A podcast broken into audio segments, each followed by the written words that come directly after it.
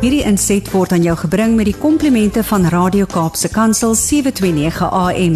Besoek ons gerus by www.capecoolpit.co.za. Always great to connect with Rudy Nagel. Rudy is een van die kindergebedsnetwerk van Suid-Afrika se Wes-Kaapse fasiliteerders en hy juk. Muskiete, uh, Rudy, wat gaan daar aan? Goeiemôre. Uh, goeiemôre Brad and good morning to everybody and dit lekker om weer te kan gesels. En ja nee, kyk, juk is daar 'n interessante woord. Uh, ons het laasweek gepraat oor die feit dat woorde is uh, kan kan mens kan woordspelings doen, jy kan rym en so aan.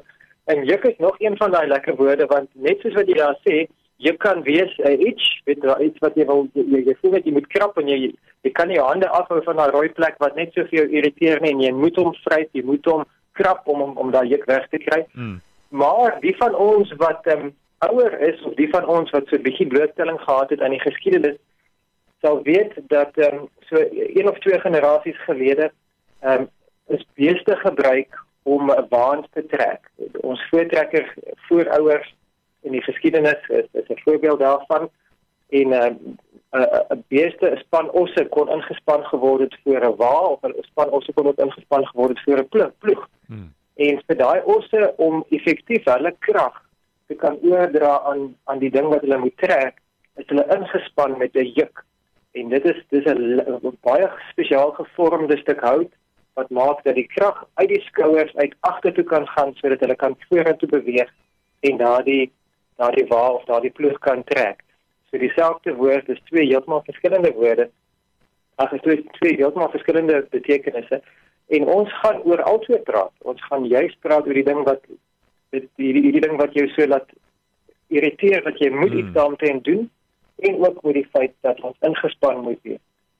En ek praat vanoggend na aanleiding van vanoggend se U version facts. U version is 'n is 'n wêreldwye bediening wat um, op die internet op jou selfoon vir jou 'n klomp Bybelweergawe beskikbaar maak. Dat jy met 'n klomp vertalings in jou sak gereed kan wees Engels, Afrikaans, Khoisa, al die verskillende Bybelvertalings is, is is byderhand en jy kan maklik uh, die hele Bybel lees, jy kan Bybelstudie doen, maar ook onder andere stuur hulle ook elke dag 'n spesifieke vers uit net as 'n vers vir die dag vir jou om daai dag oor te mediteer. En vanoggend se vers is 'n baie bekende en 'n baie kosbare vers, Matteus 11:28. 28 en 29. Kom ek lees hom en dan gaan ons verder.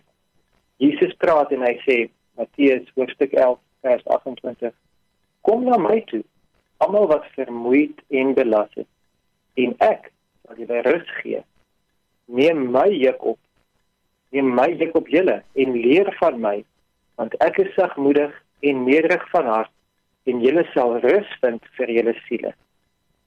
Gaan hulle vir ons in die Engels ook lees maar hierdie tyd van die jaar is rus en om om om om te probeer ontspan begin al hoe meer en meer op ons agenda kom. Ons ons voel dit was 'n lang jaar gewees. Dit was 'n moeilike jaar. Dit was anderste as verlede jaar met lockdown. Dit was 'n jaar van tussen van oorgang van van uh, ingeperktheid na weer terug na bedrywigheid. En vir party van ons was dit 'n besonder besige jaar en vir party van ons was dit 'n harde en 'n moeilike jaar. En party uh, is bevoorreg dat hulle vaste werk het met vaste ure en met vaste inkomste en dikwels dan beteken dit dat daar ook dan nou 'n tydperk van verlof uh, lê voor lê wat wat mense paar dae kan afvat rondom Kersfees en Nuwejaar is daar 'n tyd wat wat gewoonlik 'n bietjie kan waar jy kan stil staan. En as mense met 'n baie intensiewe projek besig was of hulle deur 'n baie besige tyd in hulle lewe gegaan hmm. dan maak ek dikwels 'n grappie met hulle en ek gaan ek gaan daai grappie deel met ons want uh, aan die aan die een kant is daar 'n stukkie waarheid daarin maar aan aan die ander kant is dit eintlik presies die die teenoorgestelde van wat hierdie vers vir ons sê. So ek wil ek wil dit uitwys vir ons. Nou uh, ek wil net hê voordat ek dit vertel, ek, ek wil net 'n disclaimer maak. Ek is nie 'n mediese dokter nie. My raad moet met 'n knippie sout gevat word. Maar as jy dan nou voel dat jy is oormoeg en en en, en jy jy's jy oorwerk en jy's gespanne en jy kan jy kan nie tot rus te kom dan uh, moet jy hierdie raad baie nougesed volg en baie noukeurig volg. Dit is dit is belangrik dat jy tot op die letter hierdie aanwysings volg. En jy gaan jy, jy doen as volg.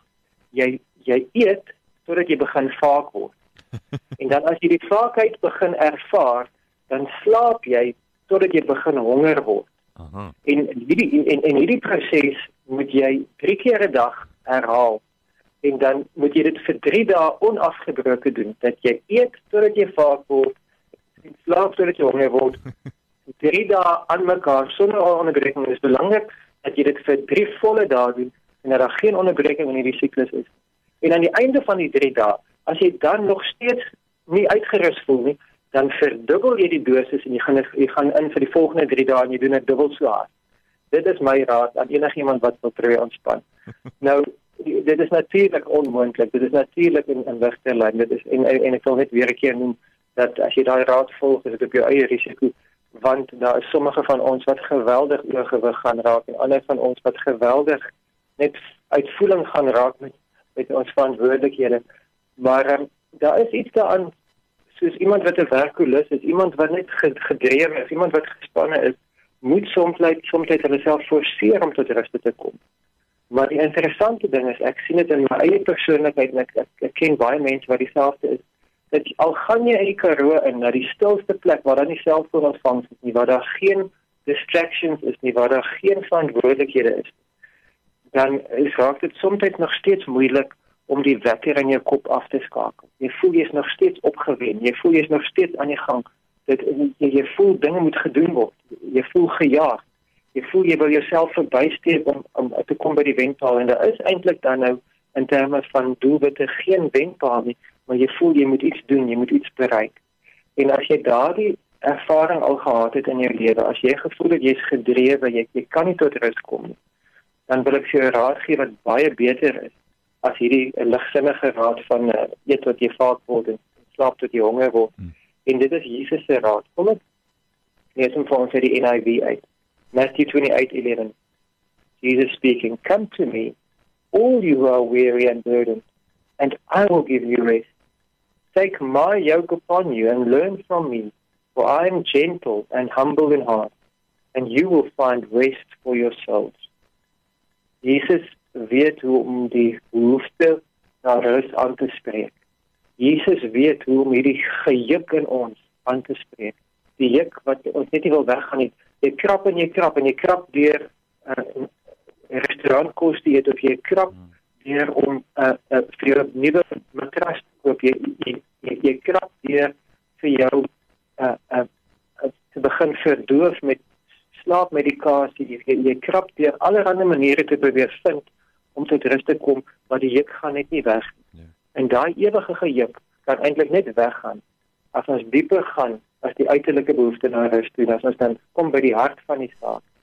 En die hart van die saak is dat Jesus weet wat ons nodig het.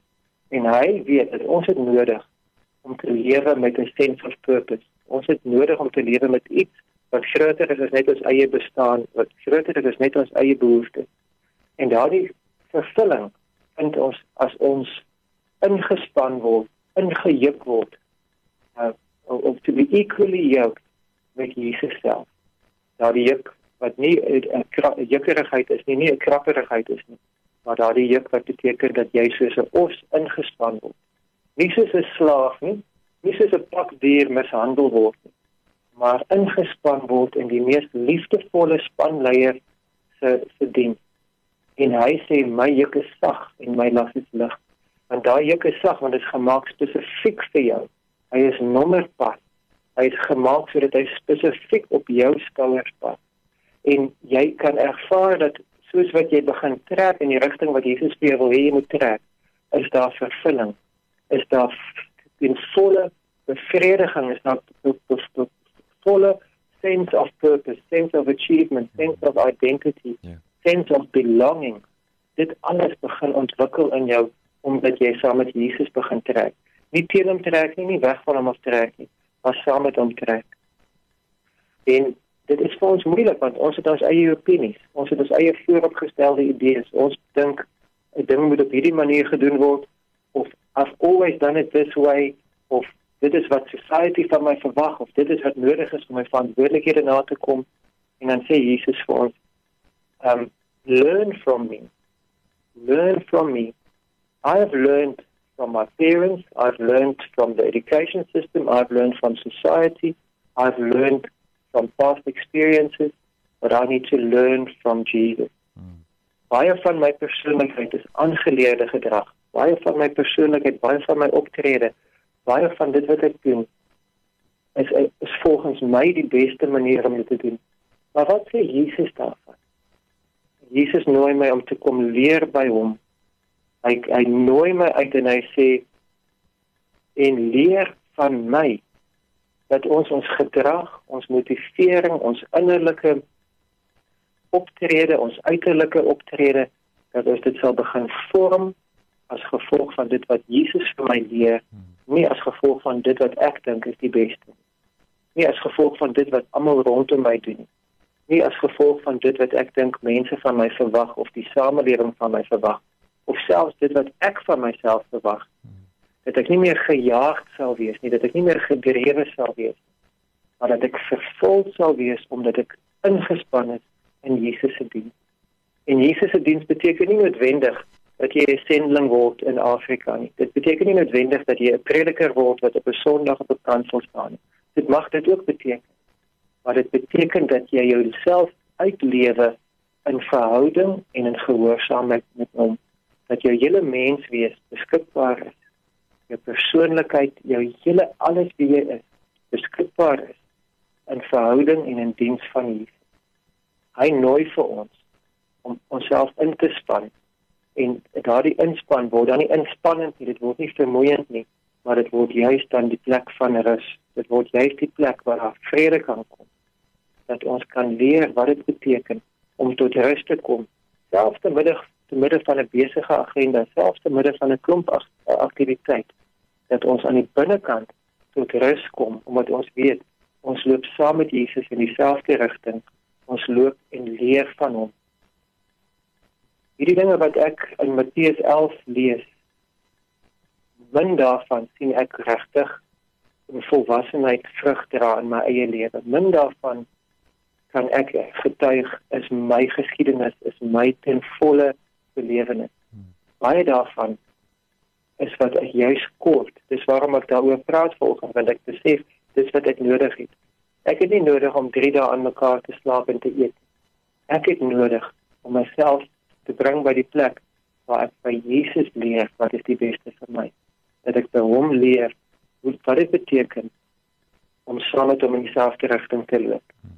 En as jy vanoggend saam met my behoefte het aan rus en vrede, dan wil ek jou nooi dat ons saam na Jesus toe gaan nou in gebed. Kom ons bid saam. Ons Vader, so baie dankie vir u woord.